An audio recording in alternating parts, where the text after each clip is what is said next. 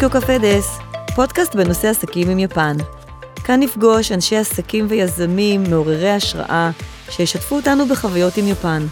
נחלוק תובנות וידע על חברות וסטארט-אפים שיפן בליבם, נספק כלים וטיפים להצלחה. אני ורד פרבר, מתמחה בקשרים עסקיים והשקעות עם יפן. מרצה על התרבות העסקית בארגונים ומאמנת אנשי עסקים להצלחה. בואו נתחיל.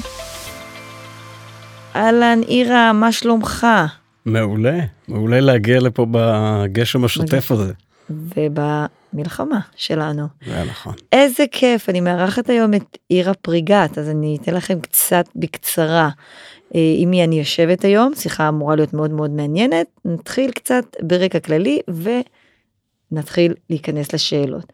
אז אירה פריגת הוא מומחה בעולם עסקים מעל שני עשורים, בניהול אה, חברות ישראליות בזירה הגלובלית, ההתמקדות שלו זה אסטרטגיה ביפן. מכירות, אסטרטגיה ושווקים ביפן. אה, ידע נרחב מאוד ואני חושבת שההתמחות שלך בשוק היפני היא במדיקל, במדטק, אה, וגם ניהול משא ומתן, ניהול מפיצים, רישום רגולטורי וכל מה שקשור לאופרציה שקשורה למדיקל. בהחלט. והנושא הזה מאוד מאוד חשוב במיוחד באופן כללי. זה כי אנחנו יודעים שהיפנים הם תוחלת החיים הארוכה בעולם, והתחום המדיקל הוא תחום מאוד מאוד חשוב, כי יש הרבה מה להציע, גם כי זה כבר אה, אה, הם חברה מאוד מאוד מבוגרת, נכון. וגם כי הם גם אדפט, הם, הם אדפטרים של, של הרבה הרבה טכנולוגיות שקשורים למדיקל. אז אני חושבת שגם כחברה ישראלית, לא, לא company, הסוסייטי, החברה כן. הישראלית ועולם העסקים הישראלי, יש המון המון מה להציע בתחום כן. המדיקה ליפן, ואני חושבת שהיום יש לנו הרבה הרבה על מה לדבר. אז uh, מאחוריך יש שני עשורים של ניסיון, ואנחנו יודעים לומר שתחום המדיקל הוא מאוד מאוד חשוב, גם ליפן, וגם כישראלים, כאינובייטרים בתעשייה הזו.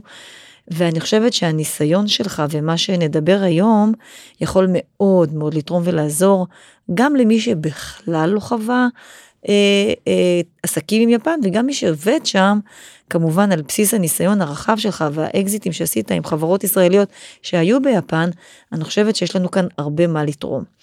אז אה, בוא תיתן לנו קצת רקע כללי לפני שאנחנו צוללים, ולפני שאנחנו מתחילים חשוב לי להגיד שאנחנו מקליטים את הפודקאסט בשיאה של מלחמת חרבות ברזל, נכון. ביום 40 ו...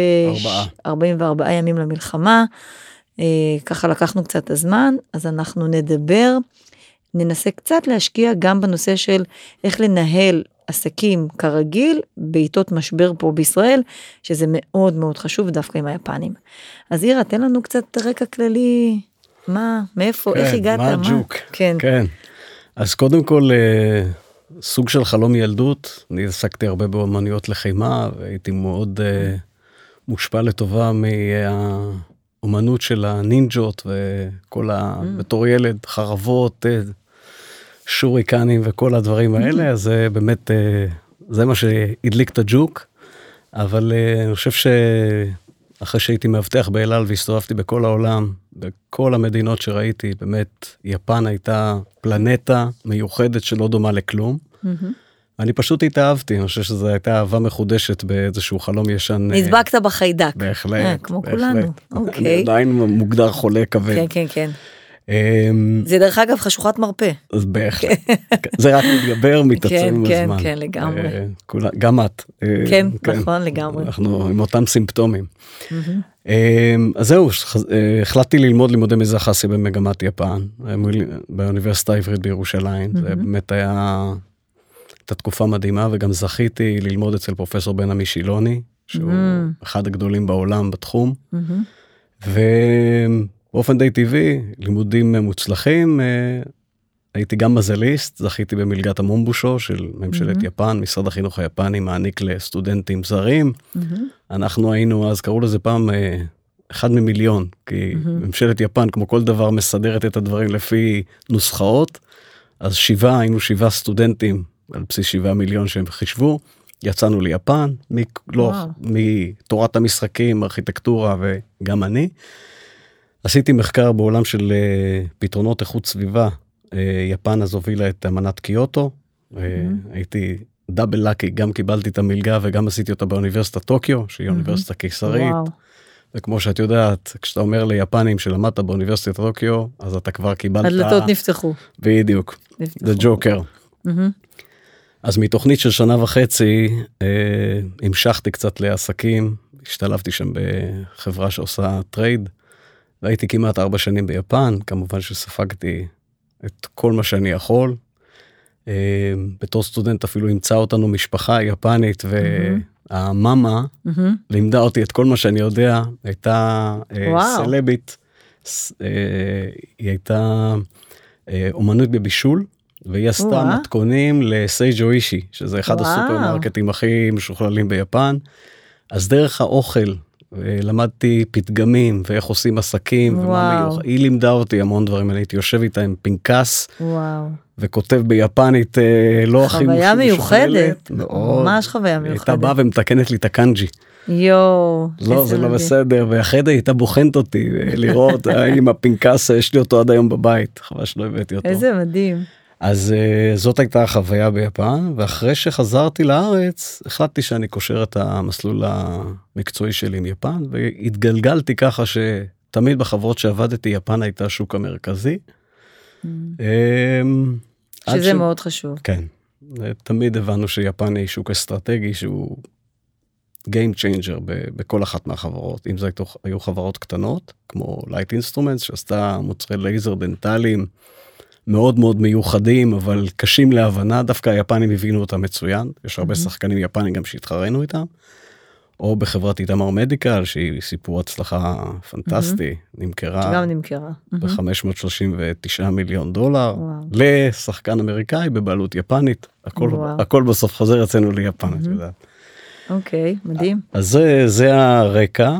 אני חושב שבמהלך ה-20 פלוס שנים האחרונות ראיתי וחוויתי אין ספור אה, הצלחות וגם כישלונות, mm-hmm.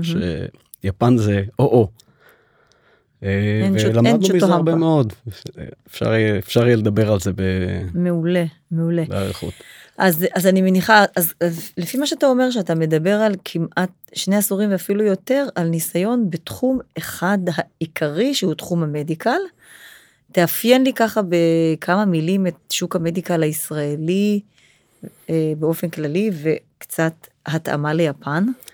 אז קודם כל ישראל היא מעצמת מדטק. איזה סקטורים? כן, ישראל היא מעצמת מדטק מטורפת. Mm. אה, היא מובילה את העולם כמעט בכל תחום וואו. קליני. Mm-hmm. אם אנחנו מדברים על ה cardiovascular או על העולם של האונקולוגיה, הסרטן, mm-hmm. אם מדברים על uh, דיאגנוסטיקה או מכשירים שהם אינווסיביים, מכשירי ניתוח, mm-hmm. imaging, uh, יש פה המון סיפורי הצלחה של חברות בינלאומיות כמו ג'ונסון אנד ג'ונסון שקנו את, ביו... את uh, ביוסנס ובסטר, mm-hmm. יש פה הרבה מאוד uh, סיפורי הצלחה, באמת פה אני חושב שישראל היא פיתוח, מעצמה, פיתוח, כן. או, פית, או חברות בשלבי פיתוח או חברות uh, ש... מוכרות, את יודעת, מכרו, מכרו ומוכרות, אה, תוך כדי התלבשו עליהם בצורה של אה, הפצה, יש, יש כל מיני דרכים שהיפנים נכנסים, בסוף היפנים הולכים על בטוח. אז דווקא חברה שמאוד מצליחה ברחבי העולם, אה, הם יודעים שהם יכולים לעשות לה scale-up מטורף. ישראלים בכל זאת יש להם תקרות זכוכית בכל מיני מקומות, והיפנים הם gateway גם לדרום מזרח אסיה, אם זה אינדונזיה, מלזיה, מדינות נכון. ענקיות, וגם כמובן למדינות ערב. והייתי אומר שגם לשווקים כמו ארה"ב ואירופה, היפנים, חברות גלובליות הן מתחרות רציניות מאוד. אז זה ב... אנחנו יכולים להגיע למנעד של מי אה, סטנטים ללב ועד דיאגנוסטיקה או טלמדיסין או מוצרים שהם אה, wearable. ישראל היא מעצמה בדיג'יטל ובכלל בצורה בלתי רגילה. וה, וה, והשוק היפני הוא שוק צרכני למדיקל. כן. הם צריכים את זה למעשה. אז כמו שאמרת בהתחלה, הצגת את זה מאוד יפה. קודם כל יפן היא מדינה של 125 מיליון איש, אנחנו היינו סופרים גם 127 מיליון איש, אבל... זה יורד. הילודה היא שלילית ביפן, mm-hmm. ולכן האוכלוסייה... מתכווצת. טבעי, היא גם מתכווצת וגם מתבגרת בעת ובעונה אחת. עכשיו mm-hmm. תוסיפי על זה נתון ש... תוחלת החיים ביפן היא מהארוכות בעולם, mm-hmm. אם לא הארוכה בעולם, הארוכה בעולם, במיוחד לנשים, זאת אומרת תמיד זה ממוצעים. Mm-hmm.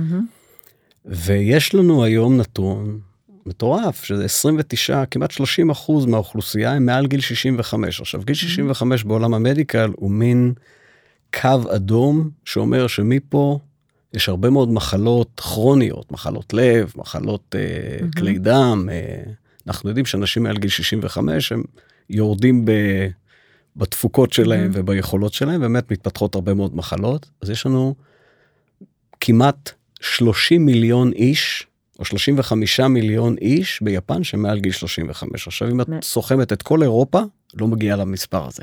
וואו. זאת אומרת שאם מחל... משלבים את העובדה שיפן היא הכלכלה השלישית בגודלה בעולם, אגב היא שוק המדיקל השני בגודלו בעולם, יותר גדול מסין, מה שלא קורה וואו. בכל התעשיות, אחרי ארצות הברית, פלוס תוחלת החיים, פלוס העובדה שאנחנו מגיעים לכזאת אוכלוסייה, הפוטנציאל שוק עבור חברות ישראליות הוא בסדרי גודל מדהים אם הן נכנסות לעבוד עם יפן. אז מעניין, אז, אז בוא נראה, בוא נראה רגע deep dive, דווקא נפתח סוגריים בנושא הזה, ובוא ניתן איזשהו ערך למאזינים שכן מגיעים מתחום ה medical, יש איזה סטארט-אפיסט אולי עכשיו שהקים איזשהו סטארט-אפ, או חברה שהתחילה לחבור ולעבוד עם כל המדינות ואולי יפן כאסטרטגיה עתידית. יש איזה ש... אתה יכול לעשות בסגמנטים אולי, להגיד מה כן יכול להיות כהזדמנות לשוק כן. היפני לפני שנצלול ל... ליפן בכלל? כן, אז בתחילת ההקדמה שלך באמת סיפרת על, ה... על הרקע שלי. אני חושב שהנקודה אולי הכי מעניינת שהייתה לי, או התובנה הכי מעניינת שהייתה לי תוך כדי שגרתי ביפן, זה שהפער העסקי, אנשים קוראים לזה תרבות, תרבות העסקים ביפן, זה נכון, זה שם כללי, בין ישראל לבין יפן יש פער עצום. Mm-hmm. בהרבה מאוד, בהרבה מאוד מובנים, אבל גם בתהליך קבלת ההחלטות, וגם כמובן בנושא של ההתייחסות למוצר עצמו. אז okay. אוקיי. כשאני מסתכל היום כחברת ייעוץ, ונטוורק אין מושן מתעסקת גם בחברות סטארט-אפ וגם בחברות מצ'ור וגם בחברות שעובדות ביפן ויש להם challenges שלהם, mm-hmm. נדבר על זה. אפשר לחלק את זה לכמה חלקים. אם זאת חברה מצ'ור, mm-hmm. אז ההמלצה הכי טובה שלי זה קודם כל תתגלחו במקומות אחרים, תמכרו באירופה, תמכרו בארצות הברית, אל תבחרו ביפן בתור שוק היעד הראשון שלכם, כי העוצמות וההבנה שצריכים... ה time consuming והכל הכל שם זה בעוצמות ש... כן. לא וגם, כל חברה יכולה. וגם השוק היפני יש לו צרכים מאוד מיוחדים, זאת נקודת המפתח. Mm-hmm. אם זאת, תכף נחזור אליה, אם אנחנו, אם זאת סטארט-אפ אני בהחלט חושב שאם זה סטארט-אפ שהוא הוא, הוא חדשני ופורץ דרך ויש לו אה, חדשנות ייחודית, השוק היפני תפור עליו, כי היפנים מזהים, הם אלופי העולם בטכנולוגיה. יש להם mm-hmm. הבנה מאוד טובה טכנית, הם גם רואים מוצר 360, מה שישראלים לא כל כך רואים, mm-hmm. מעגלים פינות, אנחנו mm-hmm. יודעים את זה. ואז דווקא סטארט-אפים בתחומים שהם פורצי דרך. אנחנו בעיקר מדברים על, על מוצרים שהם בעולם שהשיפוי הרפואי הוא מאוד גבוה. כל ניתוחי הלב, ניתוחי הסרטן, ה imaging, דברים שעולים המון כסף, הם מאוד מאוד מתאימים ליפן. אני הייתי אומר ש commodities, בלי להעליב אף אחד, אבל מוצרים שהם מתכלים או פלסטיקים או כל מיני uh, דברים כאלה הם פחות מתאימים לשוק היפני ברמה של סטארט-אפ. אם אתה חברה מאוד טובה שעושה איזשהו מוצר מעניין שנמכר טוב בכל העולם, אז כשאתה מצ'ור, גם תבחן את השוק היפני. אבל הייתי אומר שככה הייתי מחלק את זה. חברות מצ'ור שיש להם ניסיון, השוק היפני מאוד מתאים להם, וחברות סטארט-אפים שהן פורצות דרך, יכולות בהחלט לשכנע משקיעים, וצריך להבין את המיילסטונים שהמשקיעים היפנים אה, מחליטים לגעת במוצר, כן, בהחלט. אוקיי. Okay. מדהים, אז אנחנו כחברה ישראלית, כ- כעולם העסקים הישראלי, כן יכולים להציע, לפי מה שאתה אומר, הרבה מאוד דברים. בהחלט. אז, אז אני חושבת שמניסיון גם שלי וגם שלך, אנחנו יודעים לומר שהרבה חברות ישראליות אה, אה, אומרות, אוקיי, אנחנו עובדים בארצות הברית, באירופה, דרום אמריקה, איך יכול להיות שאנחנו לא עובדים עם יפן? ואז אתה או אני מקבלים טלפון מאיזה, מנהל השיווק, מ... אה, כן, את שומעת, אז אנחנו החלטנו להיכנס ליפן, אז יש לך אה, מישהו לתת לי, יש לך קשר מישהו לתת לי שאני אוכל לדבר איתו? יש הרבה שיחות כאלה, ויש כאלה שאומרים גם, טוב, אנחנו רוצים להיכנס, צריך מפיס. יש כאלה שמבינים את המורכבות, יש כאלה שלא. ו, ובמיוחד בעולם המדיקל, זה, אני חושבת שזה בכלל מטורף עם כל הרגולציות ו, בדיוק. והאישורים והכל. בוא ננסה לעשות קצת, ניתן אור כן. ב, בתהליכים האלה, כי חברה שכן החליטה, mature סטארט-אפ החליטה כן לבוא ולהיכנס ליפן, יש כאן הרבה מאוד דברים שצריכים לעשות הרבה לפני שאומרים let's go. נכון. אז למשל תהליך קבלת ההחלטות. אז, אז- בוא תיתן לנו כן. דוגמה למשל. כן, תיארת את זה מאוד יפה. אני חושב שקודם כל צריך להבין טיפה לפני שאנחנו נותנים את העצות, זה צריך ליפול איזושהי קרקע של הבנה. אז קודם כל יש כמה דברים שצריך, בסיסיים שחייבים להבין כשעושים עסקים יפנים. קודם כל יפנים חושבים לטווח מאוד ארוך. בין חמש לעשר שנים אלה תוכניות יומיומיות. וזה לא ייחודי למדיקל, זה לא, באופן לא, כללי, נכון. עסקים. באופן כן. כללי אני מדבר כרגע לא על מדיקל אני מדבר באופן כללי, כללי, כי זה נכון. מדיקל נכנס בתור אז קודם נכון. כל זה חשיבה לטווח ארוך זאת מהמם. אומרת שחברות ישראליות צריכות להבין איך הם long lasting איך הדבר הזה עובד ולא עושים איזה זבנג וגמרנו. מהמם. אני חושב שאחד המכשולים הכי גדולים זה חוסר ההבנה של ישראלים בתהליך קבלת ההחלטות היפני במערב וישראל כלולה במערב. רוב ההחלטות מתקבלות ברמת מנכ"ל. מהמם. מנכ"ל שמתייעץ עם ההנהלה שלו, אבל בסוף ההנהלה או המנכ"ל קובעים את הדרך. כל האנשי מקצוע מתחת או בסביבתם, הם בסופו של דבר צריכים להיות aligned עם דרך, עם ההחלטה של ההנהלה. מהמם. ביפן זה עובד בדיוק הפוך. האנשים המקצועיים, האנשים הטכניים, אנשי הרגולציה, אנשי השירות, אנשי המכירות שבשטח, מהמם. אנשי ה-QA, כל אלה הם אלה שבכלל מקבלים את ההחלטה הראשונה האם לקחת את המוצר או לא. יכול להיות שפגשת את מנהל השיווק בתערוכה במדיקה או באיזושהי תערוכה בארצות הברית משהו. את תראי שיגידו לך יופי תודה רבה שפנית אלינו ויעבירו אותך למנהל המחלקה שהוא אחראי על כל הצוות הראשוני שמקבל את ההחלטות. מהמם. אז זה דבר אחד שצריך לדעת. הדבר השני שיפנים מקבלים החלטות בקונסנזוס. מהמם. צריך לדעת לשכנע גם את אנשי המכירות אבל גם את אנשי ה-R&D וגם את ההנהלה. אנשי השירות. זה הנהלה, את כולם. בהחלט אבל האנשים המ- המקצועיים הם אלה שבסוף מקבלים את ההחלטה ונותנים את ההמלצה שלהם כלפי מעלה להנהלה שלהם מהמם. בארגון. מה שמוביל לתהליכים מאוד ארוכים ישראלים לא מבינים למה ליפנים לוקח המון זמן אז אותו צוות מקצועי מגיש את ההנהלה שלו למעלה את ההמלצה שלו להנהלה מהמם. וההנהלה בוחנת ואומרת רגע אנחנו בראייה במבט ציפור יותר גבוה שכחתם את זה ולא התייחסתם לזה ואז היפנים חוזרים לחברה הישראלית ושואלים אותם עוד שאלות ולפעמים זה נשמע שהם חוזרים על אותם שאלות כי הם בעצמם לא יודעים את התשובות. מהמם. ואם אתה לא מבין את התהליך הזה זה דרך אגב ביפנית נקרא נמוואשי נמוואשי, נכון. נכון אז נמוואשי זה תביעת השורשים. כן איך אתה בתוך הארגון תובע את השורשים ככה שהעץ עומד איתן לאורך שנים.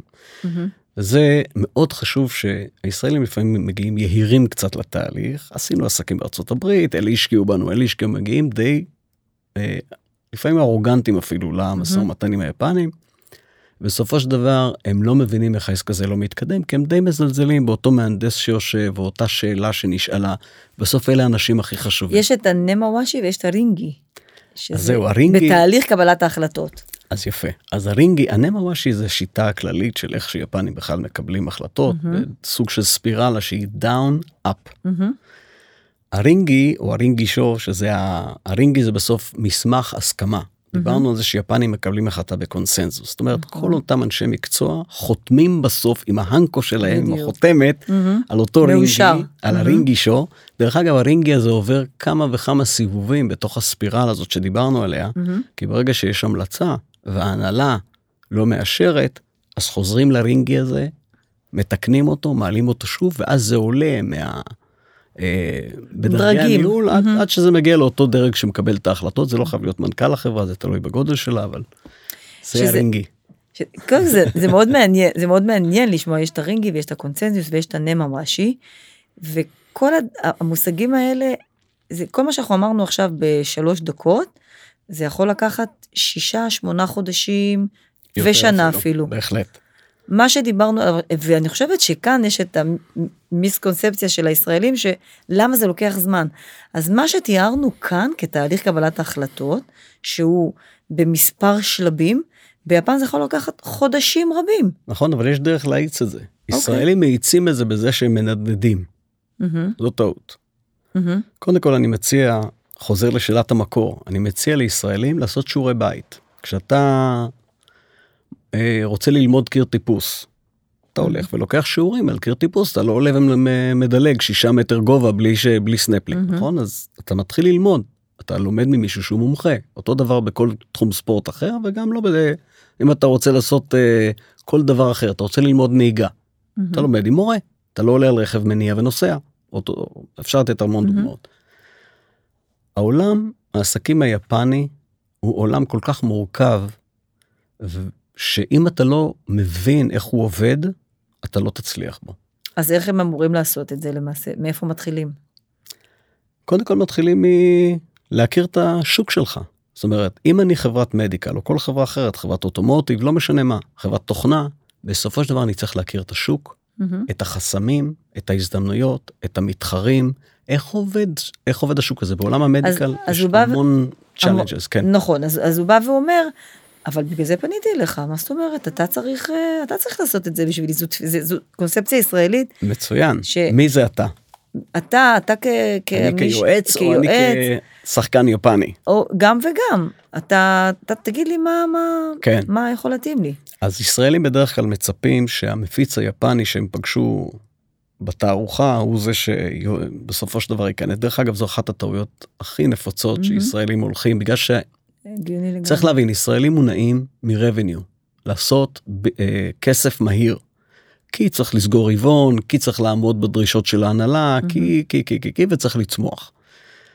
הצמיחה ביפן היא מאוד איטית. החדירה לשוק עצמו היא מאוד מאוד איטית, כי יפנים הולכים על בטוח. תכף נדבר על כמה דוגמאות איך בכלל מוצר מתחיל להימכר ביפן. הוא לא, הוא לא נמכר national wide. ביפן יש מושג שנקרא אנטנה שופ. היפנים הולכים עם המוצר שלך לבתי חולים או לקליניקות שהם חברים של הרופאים. מהמם. הם, הם, הם כל מה ש... את יודעת שיפנים עובדים על הרמוניה, חס וחלילה, לא, לא, רופא הוא נחשב אה, חצי. אלוהים, כן? מהמם. אפשר לדרג אותם ברמת אלוהות שונה, אבל כן. בסופו של דבר הם מגיעים למקום מאוד בטוח שאם יש בעיות או תקלות, זה נשאר בתוך המשפחה, הם לא יוצאים החוצה. והם לומדים את המוצר, והם עושים ניסויים, והם מדברים עם הרופאים, ובסופו של דבר, מה שאנחנו רואים, זה שהיפנים יבואו ויגידו, תקשיב, אחלה מוצר, אבל הוא לא מתאים לשוק. אני אתן לך דוגמה למשל מהעולם של אתה איתמר מדבר מדיקל. עכשיו, את, שנייה רגע, כן. אתה מדבר עכשיו על לקוח שבא והציג מוצג, מוצר למפיץ פוטנציאלי יפני, שהלך ובדק עם החברים העמיתים שלו הרופאים, ובא בתשובה ואמר כן או לא? זה תמיד עובד ככה. אנשים אוקיי. לא מבינים. וואו.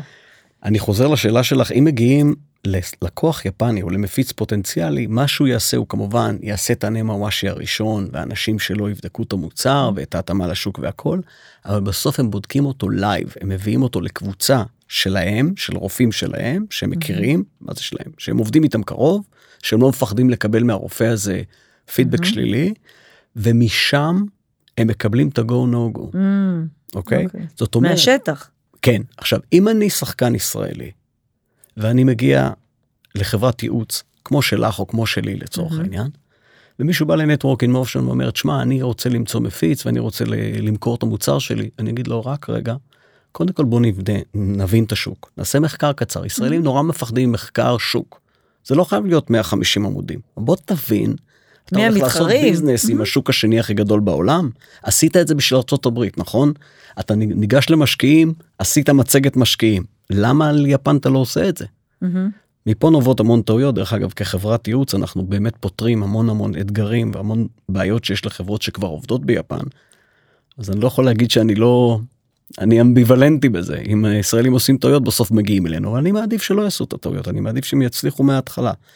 ולכן אחד הדברים שאנחנו עושים, בגלל הקשר שלנו, דרך אגב, אנחנו נקראים Network in Motion בדיוק מה, מהשם הזה, זה נטוורק של אנשים, רופאים, מפיצים, אנשי מכירות וכדומה, שעבדתי איתם שנים, ויש בינינו אמון מאוד גבוה. אני מגיע לרופאים, אני מגיע ל-KOLs. אני מגיע ככה עוד לפני המפיץ. דרך אגב, ה-Key Opinion Leaders ביפן יכולים להגיד לך גם מי המפיץ הכי טוב לטכנולוגיה שלך. אבל פה אתה מדבר עליך כמישהו שיש לו 20 שנות ניסיון בשוק והיכרות טובה, גם עם מפיצים פוטנציאליים וגם עם הרופאים עצמם. נכון. אז זה, זה סיטואציה נדירה לדעתי, אבל מה עושה אה, מנכ"ל של חברה או מנהל פיתוח עסקי של חברה שאין לו בכלל קשרים, לא לרופאים ולא לכלום. קודם כל, אז אני הוא כן, ממליץ לכל הישראלים שרוצים להיכנס לשוק היפני, לא משנה באיזה תעשייה, במיוחד בעולם המדיקל, כי יש פה המון המון challenges, תכף נזכיר עוד שניים ש, שיבינו את, ה, את העוצמות. אחד זה הרגולציה היפנית, ושתיים זה השיפוי הרפואי היפני. השיפ... הרגולציה היפנית היא חמורה יותר, מחמירה יותר מה-FDA היפני, האמריקאי, או... אז זה תלוי, אבל היפנים, בגלל שהם עובדים על בטוח, אז אם יש לך FDA, אז יש לך איזשהו פלוס מסוים. כי את יודעת שיש לך FDA, אז הפקידות היפנית אומרת, אוקיי, מישהו כבר בדק את הטכנולוגיה, אבל עדיין יש הרבה מאוד ניואנסים שמתאימים לשוק, שצריכים להתאמה לשוק היפני. וחלק גדול מזה זה באמת אה, הנושא של, אה, של מה שאנחנו קוראים בארץ cyber security, הנושא של אה, התממשקות לתוך רשת בתי החולים, HL7, יש כל מיני קטגוריות שביפן הן קצת שונות, השימוש בענן, השימוש באיך אתה מאחסן מידע של אנשים פרטיים, ב- בענן כמובן, בשירותי digital. אז יש באמת הרבה דברים שצריך לדעת מראש. ועוד דבר שהוא מפיל את רוב החברות הישראליות זה המודל העסקי שלהם. מה זאת אומרת? בארצות הברית, נגיד מאיתמר מדיקה זו דוגמה נהדרת, שיפוי לבדיקת שינה ביתית. כן, הפרעות נשימה בשינה ביתית, שעון על היד, בדיקה עולה בערך 200, בין 240 ל-250 דולר לבדיקה. שכל שרשרת המזון, מהרופא למפיץ, למפיצי משנה, עושים אחלה כסף, וגם היצרן עושה כסף טוב. ביפן אותה בדיקת שינה עולה 50 דולר. זאת אומרת שאם המוצר שלך עולה x, לא משנה כמה הוא עלה, כן? אתה מאוד מאוד קרוב ל-50. אין כמעט רווח למפיץ שלך. אז איך אתה, דרך אגב, איתמר, המפיצה שלה ביפן הייתה פיליפס יפן, שזה נקודה. מה עשתה, אני, אני יודעת מה עשתה איתמר, אבל בוא נספר רגע על מה, מה עשתה איתמר מדיקל, מה היה המוצר שלה. אז המוצר של איתמר הוא באמת מכשיר אה, שעון על היד, שיודע למדוד הפרעות נשימה בשינה, שהוא מוצר מטורף, הוא מתחרה עם מעבדות שינה. מעבדת שינה זה חדר בבית חולים, מאובזר, עם מכשירים מאוד משוכללים. המוצר הזה הוא כמעט אחד לאחד עושה את הבדיקה של מעבדת השינה, אבל המודל העסקי שלו ביפן היה אחר לגמרי. מה הוא היה? זה סוד ההצלחה למעשה, שזה היה אה, שונה ביפן, כי זה התאים ליפן, ואז גם ההצלחה הגיעה? אה, זה מיקס. זה, זה מאוד התאים ליפן מבחינת המוצר, mm-hmm. כן, הצורך, אבל ה-reimbursement, השיפוי הרפואי הוא היה מאוד מאוד מאתגר, ולכן אני חושב שההצלחה של איתמר הייתה בבחירה של המפיץ. פיליפס יפן מכרה את ה therapeutics, מכרה את הפתרון, את, ה, את ה solution של איך פותרים בעיית שינה, שנקרא מכשיר שנקרא CPAP, ואיתמר הייתה הדיאגנוסטיקה. זאת אומרת, גם mm. אם פיליפס לא עשתה הון תועפות מהמכשיר, עדיין הוא ייצר לה מכירות בשביל מכשיר אחר שלה. זאת אומרת, זה חיבור אסטרטגי par excellence. Mm-hmm. לא חייבים לעשות כולם כסף, איתמר עשתה את מה שהיא הייתה צריכה לעשות, ופיליפס עצמה לקחה את המכשיר של איתמר בתור מוצר אסטרטגי. דרך אגב, mm-hmm. אחד הדברים שאנחנו עשינו בצורה מופלאה ומאוד מיוחדת, זה היה לנסות להשפיע על ממשלת יפן או על משרד הבריאות היפני, לשנות את הרגולציה. לה, להעלות. את הרגולציה או, או להוריד את הטרשולד, לא משנה, בסופו של דבר זה יותר כסף, עבור אוכלוסייה מאוד מיוחדת של אנשים שסובלים מהפרעות קצב לב, ויש לזה קשר מאוד מאוד הדוק לעולם הפרעות הנשימה בשינה.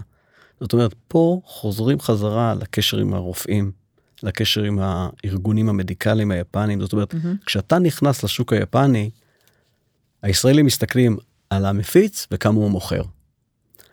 אם אתה באמת רוצה להצליח ביפן, אתה צריך לראות את כל הסביבה שלך, אתה צריך להיות בקשר עם המפיץ, אתה צריך להכיר את המתחרים של המפיץ, גם לפגוש אותם באיזה תערוכה או שתיים.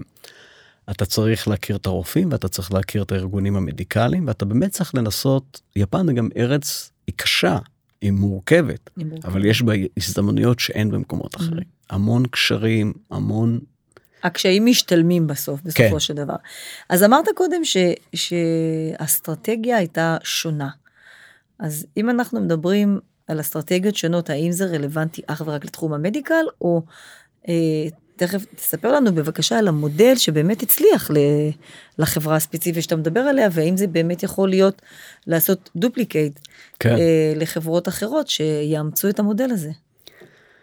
אז באיתמר היו לנו שני מוצרים, אחד דיברנו עליו ויש עוד אחד אה, שהיה מוצר יותר דיאגנוסטיקה קרדיולוגית, בסופו של דבר אפשר לעשות ממש השוואה בין שני המוצרים האלה לא ברמה של המוצר עצמו כי הם לא מתחרים אחד בשני אבל באמת ברמה של האסטרטגיה בחירת המפיץ ניהול המפיץ mm-hmm. ההבנה של השוק ההבנה של הצרכים של המוצר וכדומה.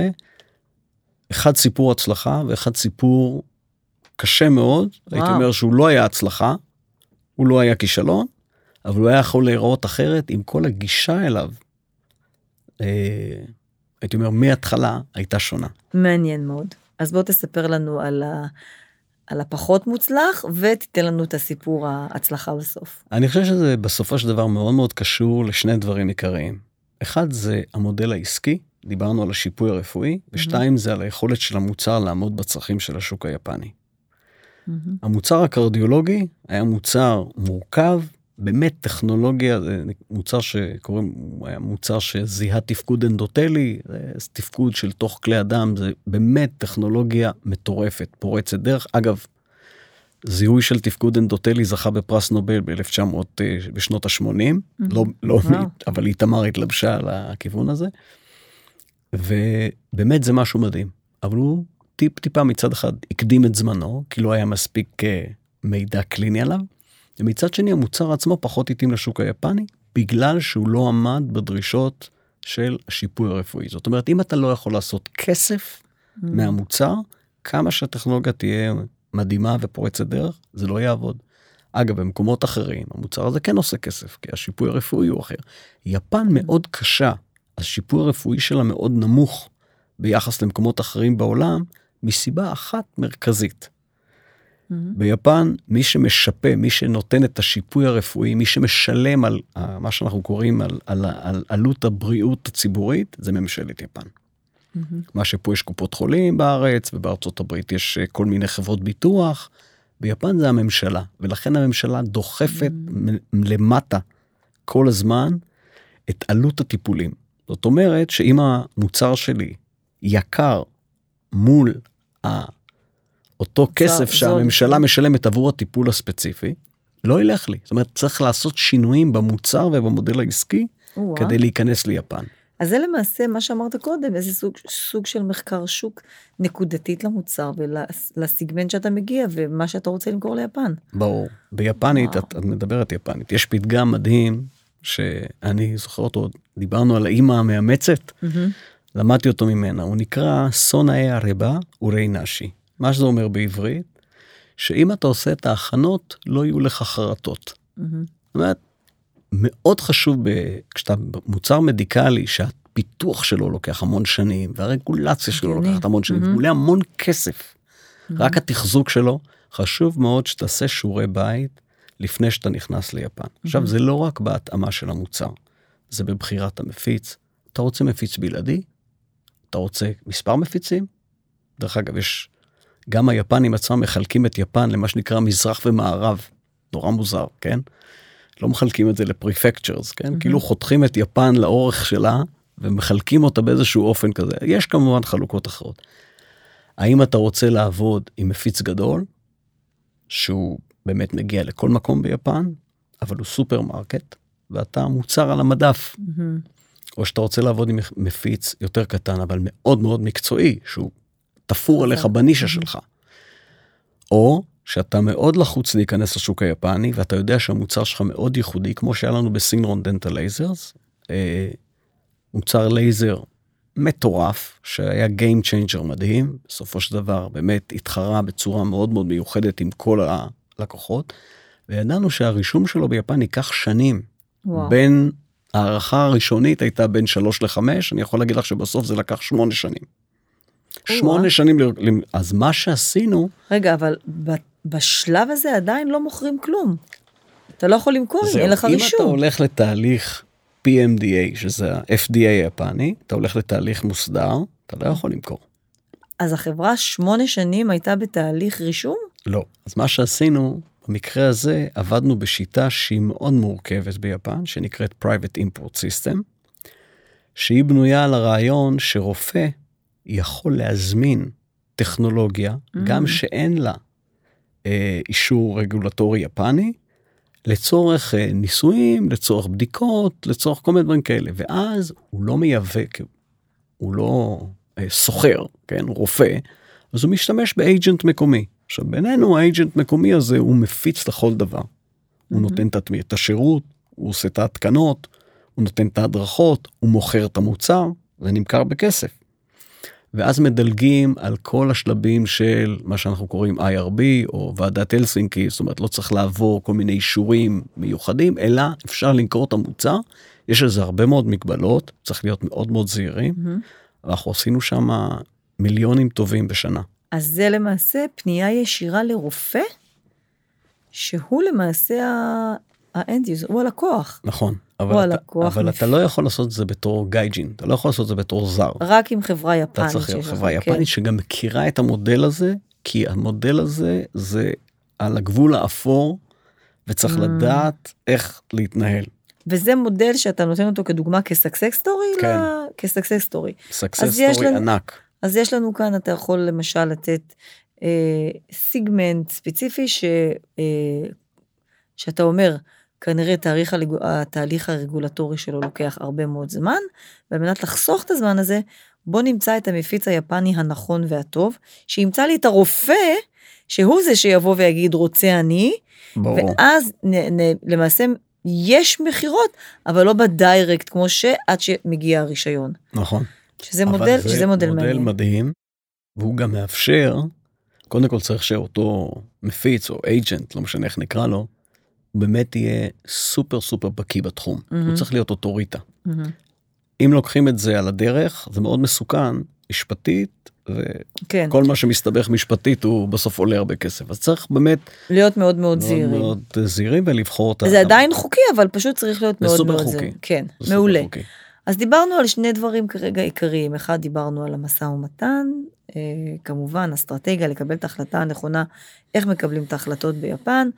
שלב שני זה אסטרטגיה, מה נכון לכל מוצר ואיך נכון לעשות את זה.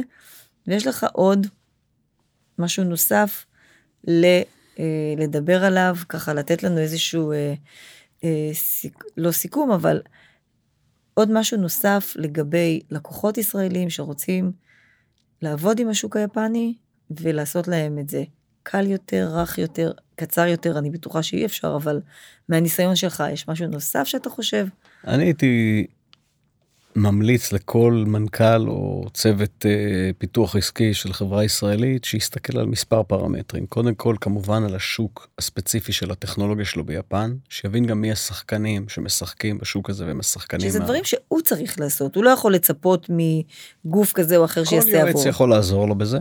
אין שום mm-hmm. בעיה, אני חושב שיועצים שמתמחים בשוק ספציפי יכולים להגיד mm-hmm. לכל חברה מה, מי, אה, למי, מי השחקנים, צריך להבין כמובן את הפרמטרים שדיברנו עליהם, את הרגולציה, את השיפור הרפואי ואת ה-challenges שיש ברמת הרישום. Mm-hmm. ואני הייתי גם מאוד ממליץ לחברות לא לקפוץ מאוד מהר ולהגיד אוקיי המפיץ אה, אה, יממן לי את הרישום כי מה שישראלים מגיעים הם מגיעים רוב החברות מגיעות כשאין להם הרבה כסף. Mm. אז תמורת הן חושבות שהם ניצחו הן אומרות אוקיי תמורת בלעדיות שאני אתן עכשיו למפיץ הוא גם ירשום כן, את המוצר על שמו. כן. שינוי של בעלים של מוצר. זאת אומרת שינוי הבעלות זה נקרא שונין שונין זה הרישוי mm-hmm. שלך לייבא מוצר ליפן. Mm-hmm. הבעלות על השונין היא קריטית כי אתה לא יכול להעביר אותה כל כך מהר והתהליך העברה שלו מאוד סיזיפי ולפעמים יכול לתקוע לך את כל המכירות שלך אתה יכול להיות בשיא המכירות שלך. פתאום אתה אומר רגע לא בא לי על המפיץ הוא לא עושה מספיק. שינוי מפיץ אתה מדבר. שינוי כן. מפיץ mm-hmm.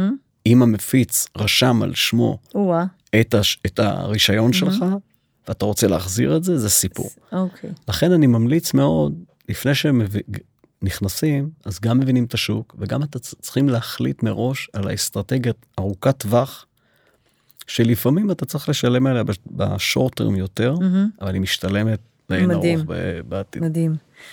כן, תראה, אנחנו וואו, מדברים כבר כמעט 40 דקות, ונראה לי שאנחנו יכולים לדבר עוד המון המון המון. הם תחום מרתק, מאוד מעניין, ואני מאמינה שיש הרבה חברות שישמחו לקבל את כל הערך שסיפרת כאן. אני גם אכתוב כמובן בפודקאסט למטה את הפרטים של אירה, את, את שם החברה, ומי שרוצה שיפנה אליך בשמחה, שיוכל אה, להיעזר. יש לכם, אה, אני חושבת, אה, value מאוד מאוד גדול דווקא לתחום הזה, כאן בישראל עם הרבה success stories. כן. זה מעניין. ואני רוצה קצת במעבר חד לדבר על ה... המצב שאנחנו נמצאים בו היום בישראל. אנחנו כ-board member, Chamber of Commerce, אנחנו מהנהלת לשכת מסחר ישראל-יפן, ואנחנו מאוד מעורבים בקשרים עסקיים בין ישראל ליפן לאורך השנה, וכמובן גם בתקופה הזו. ומה שקורה זה מתוך היכרותנו, כמו שאתה מכיר את היפנים, ואני מכירה אותם, אנחנו יודעים שבמצבים כאלה של קרייססים, של משברים, של אה, צוק איתן למיניהם, חרבו, כן. כל מצב שהיינו בו, היפנים לוקחים צעד אחורה ואומרים, אנחנו לא יכולים כרגע אה, להפריע, אה, אנחנו לא יכולים להטריד אותם, הם נורא עסוקים, מצב מאוד רגיש, ואז נכנסים לאיזשהו אה, לופ כזה שמצד אחד אנחנו יכול להיות שכן יכולים לתת ורוצים להמשיך לשדר עסקים כרגיל, מצד שני היפנים מאוד נרתעים, ו, וזה משהו שמאוד חשוב בכללי שאנחנו כאן נעשה איזשהו סדר גם למי שלא חווה ולא מכיר ולא יודע איך להתנהל במקרים כאלה, אז חשוב מאוד להסביר ש... אנחנו כישראלים חיים פה את זה כ- כ- כ- כשגרה שלנו, כן. לצערנו כל כמה שנים יש איזשהו מהלך כזה או אחר, שהיפנים לגמרי לא מכירים ולא יודעים. לכן מחובתנו אנחנו כישראלים, אה, לבוא ולשתף את היפנים שאנחנו היום משדרים, אנחנו כן בעבודה, כן במשרדים, עסקים, עסקים כרגיל. אני זוכרת מקרה שהיה לפני הרבה מאוד שנים, שישבתי עם חברה ישראלית, שכל הישראלים התגאו ואמרו, יוצא זה, זה יוצא יחידה מובחרת, זה כן. יוצא יחידה זה, זה יוצא 8200, זה יותר, וכמובן היפנים לומדים ויודעים כן. ככל שהם עושים עסקים, ואז היפני אומר לו, אבל אם תהיה מלחמה, מי ישרת אותנו? מי יענה לנו? מי ייתן לנו, מי, מי ייתן לנו מענה? וזה בדיוק זה. אז אנחנו נמצאים בדיוק בתקופה השברירית הזו של מי שכבר נמצא שם ועושה כן עסקים עם יפן. חשוב מאוד, בוא ניתן ככה אה, שלושה ארבעה טיפים שחשוב באמת לדבר עם המפיץ היפני, חשוב מאוד לדבר עם היפנים כל הזמן ולהסביר להם שאנחנו חיים פה אומנם תחת מלחמה, אבל עדיין משדרים עסקים כרגיל ואני יכולה להגיד שאנחנו עושים את זה גם כל הזמן משתפים את הלקוחות שלנו והם מאוד מתעניינים שזה חשוב לדעת ובוא תן לנו כמה טיפים ככה בשתי דקות איך להתנהל מול חברה יפנית אה, במשברים במשבר כזה שאנחנו נמצאים בו היום. כן. פתיח שלך היה מצוין אני חושב שיפן אני מחלק אותה לשני חלקים עד מלחמת העולם השנייה ואחרי מלחמת העולם השנייה. יפן עד מלחמת העולם השנייה חיה על חרבה ושלטה בחלקים מאוד מאוד גדולים מדרום מזרח אסיה אנשים לא יודעים את זה אבל יפניה הייתה מעצמה שגם עשתה הרבה שמות בכל מיני uh, מדינות אחרות וגם יד, היא הייתה ידועה באכזריות שלה. Mm-hmm. מלחמת העולם השנייה הכניעה אותה כמובן עם שני, שתי פצצות האטום אה, לראשימה ונגסקי ומה שקרה העם נכנע בצורה כל כך מוחלטת כי האמריקאים הבינו איך מכניעים את היפנים הם הכניעו אותם דרך כניעה פומבית של הקיסר ב, על, מעל mm-hmm. גלי האתר. והיה ממשל צבאי ביפן ג'נרל מקארטר שלט ביפן תקופה לא, לא קצרה mm-hmm. ובאמת שינה לה את כל האופי. מאז 75 שנה היפנים יש להם שומר ראש קוראים להם האמריקאים יושבים בבסיסים היפנים לא מתעסקים ב... לא בדומסטיק דיפנס ולא כמובן לא בהתקפות או בשומרים עליהם מפני uh, כל הסובבים שלהם. זו הברית, זו הברית. עכשיו זה גם חלחל לעולם העסקי. מה שחשוב היום זה קודם כל כמו שאמרת, ישראל הוכיחה, זה לא המצאה ולא סתם אומרים ש uh, we do business no matter what, כי ישראל הוכיחה לאורך ההיסטוריה של המלחמות mm-hmm. שלה, כולל בקוביד שהייתה, אם זה מלחמות ישראל היו עניין נורא לוקאלי שלנו, קוביד הייתה בעיה עולמית. Mm-hmm. וישראל הוכיחה שהשוק הזה עובד. דרך אגב, סיפור איתמר מתקשר מצוין לקוביד, כי באמצעות הקוביד, mm-hmm. החברה עפה, mm-hmm. כן? אמ, כי הכל זה טלמדיסין. אבל אם היום מדברים על איך אתה מתנהל מול מפיץ יפני, אז קודם כל אם זה מישהו שאתה עובד איתו כבר, מאוד חשוב לא להיכנס להסברים על המלחמה. אוקיי? לא להתחיל להצדיק את ישראל, לא להיכנס לאיזשהו ניואנסים של מי צודק, מה עשו לנו, איך עשו לנו. זה גם נושא מאוד רגיש. זה נושא מאוד רגיש, אבל ליפנים אין להם את הידע על הסכסוך במזרח התיכון, נכון. לרובם. הקונפליקט לא ברור להם. כל מה שאתה תגיד, הם לא יכולים להגיב לזה, אתה רק מכניס אותם למצוקה, כי הם לא יודעים מה לעשות. עכשיו, יפנים זה עם שעובד על הרמוניה. קשה להם מאוד עם, עם, מלחמה. עם אפילו עם, עם ויכוח. ולכן אתה צריך להנגיש להם את המלחמה בזה שאתה באמת אומר, תקשיבו, יש לנו, אנחנו ממשיכים כרגיל, אנחנו, יש לנו כמה מקורות של ספקים, אנחנו לא תלויים בדבר אחד, יש לנו כמה מקורות של ייצור, אנחנו יכולים לייצר פה, אנחנו יכולים לייצר שם, אנחנו בנויים להמשכיות עסקית. זה דבר ראשון. דבר השני זה באמת לא לחפור בנושא המלחמה, אפשר להגיד את הכאב, להגיד תראו, אנחנו... עובדים שלנו נמצאים במילואים ואנחנו חסרים בכוח אדם או בני המשפחה שלי נמצאים. אני, אני קיבלתי mm-hmm. אימיילים יש לקוחות ואפילו ותיקים שכבר לא לקוחות שלי שלא עזבו אותי בטלפון ואני לא היה לי סבלנות לענות לאף אחד בשבוע הראשון. באמת היינו יש לנו ארבעה בשוק. יש לנו שני ילדים בצבא ביחידות מובחרות יש לנו ארבע, במשפחה ארבעה נמצאים בעזה כולל ביקור בשיפא ואנחנו, את יודעת, לא היה לנו כוח לזה נפשי, ולא עזבו אותי. מה שלומכם, איך אתם, רק תתקשר, רק נשמוע את הקול שלך בוואטסאפ, זה הדבר מדהים. אני חושב שבגדול, אמ, לא צריך לחפור בזה, צריך להיות מאוד ברורים בהמשכיות, צריך לתת ליפנים להביע את ההזדהות שלהם. מה שקרה עכשיו זה דבר מאוד מיוחד חריג. בהיסטוריה היפנית. נכון. ממשלת יפן הודיעה חד משמעית בהחלטה של הדיאט של הפרלמנט היפני, mm-hmm. כולל ביקור של שר, שרת החוץ כאן mm-hmm. בישראל ממש אה, לפני מספר אה, שבועות, שהם עומדים לצד ישראל. זה קודם כל נותן רישונס מאוד חשוב, זה מסר מהממשלה, כולם מתיישרים. Mm-hmm. הדבר השני זה באמת הביקורים כאן בישראל והפעילות שנעשית, אני חושב שכל mm-hmm. פעילות ההסברה הן מאוד מאוד עוזרות. אני חושב שצריך לנסות ולהבין פנימית איך יוצרים באמת המשכיות עסקית חוץ מאשר להגיד את זה. אני חושב שבאמת היפנים מבינים וצריך לתת לדברים לעבור אפשר ההמלצה שלי זה קודם כל להגיד תראו זו תקופה של אי ודאות. יכול להיות שכל ההתחייבויות שלנו לזמנים למיילסטונים יכול להיות שהם יתעכבו תיקחו mm-hmm. את זה בחשבון אני חושב שאני למדתי שכשיש לי בעיה אני בא ליפן mm-hmm. למפיץ שאני אומר תקשיב יש בעיה לפעמים נכון. היה לנו בהזרקה של המוצר איזושהי נקודה שחורה שאף אחד לא ראה mm-hmm. אותה. הראיתי להם את זה אפילו בצילום. אמרו לי אנחנו לא רואים שום דבר. אמרתי אוקיי יש פה בעיה בהזרקה. אוקיי זה יוצר. אמינות חייבים. אני חושבת שבתקופה כזו למעשה מה שחשוב באמת עם היפנים זה להיות איתם בקשר רציף, נכון. להוריד להם את מפלס החרדה. בהחלט. כי אם זה למשל אה, מוצרים שהם מחכים שיגיעו, אם זה לדיבורים, אם זה לדלבר להם, אם זה להנגיש להם, פשוט להיות איתם בקשר, לא להיעלם להם לגמרי, לא לתת להם תחושה שאין עם מי לדבר, אנחנו פשוט לתת, גם אם אתה אומר לו, אנחנו כרגע מאוד עסוקים, אנחנו כרגע בבתים, אנחנו לא עובדים, הוא יבין את זה, אבל תנגיש לו את המידע הזה, שהוא לא יהיה באי ודאות, כי היפנים ממש ממש לא יודעים לחיות באי נכון. ודאות. פשוט להרגיע לו, להוריד את מפלס החרדה, ולהגיד לו הכל בסדר, אנחנו תן לנו יום יומיים, אנחנו נבדוק, נבין, ונראה איך אנחנו מתקדמים. ולהיות אמיתיים. כן, ברור, בעיה, זה תמיד, זה תמיד נכון. היפנים אה, איתך נכון, בבעיות שלך. זה תמיד נכון.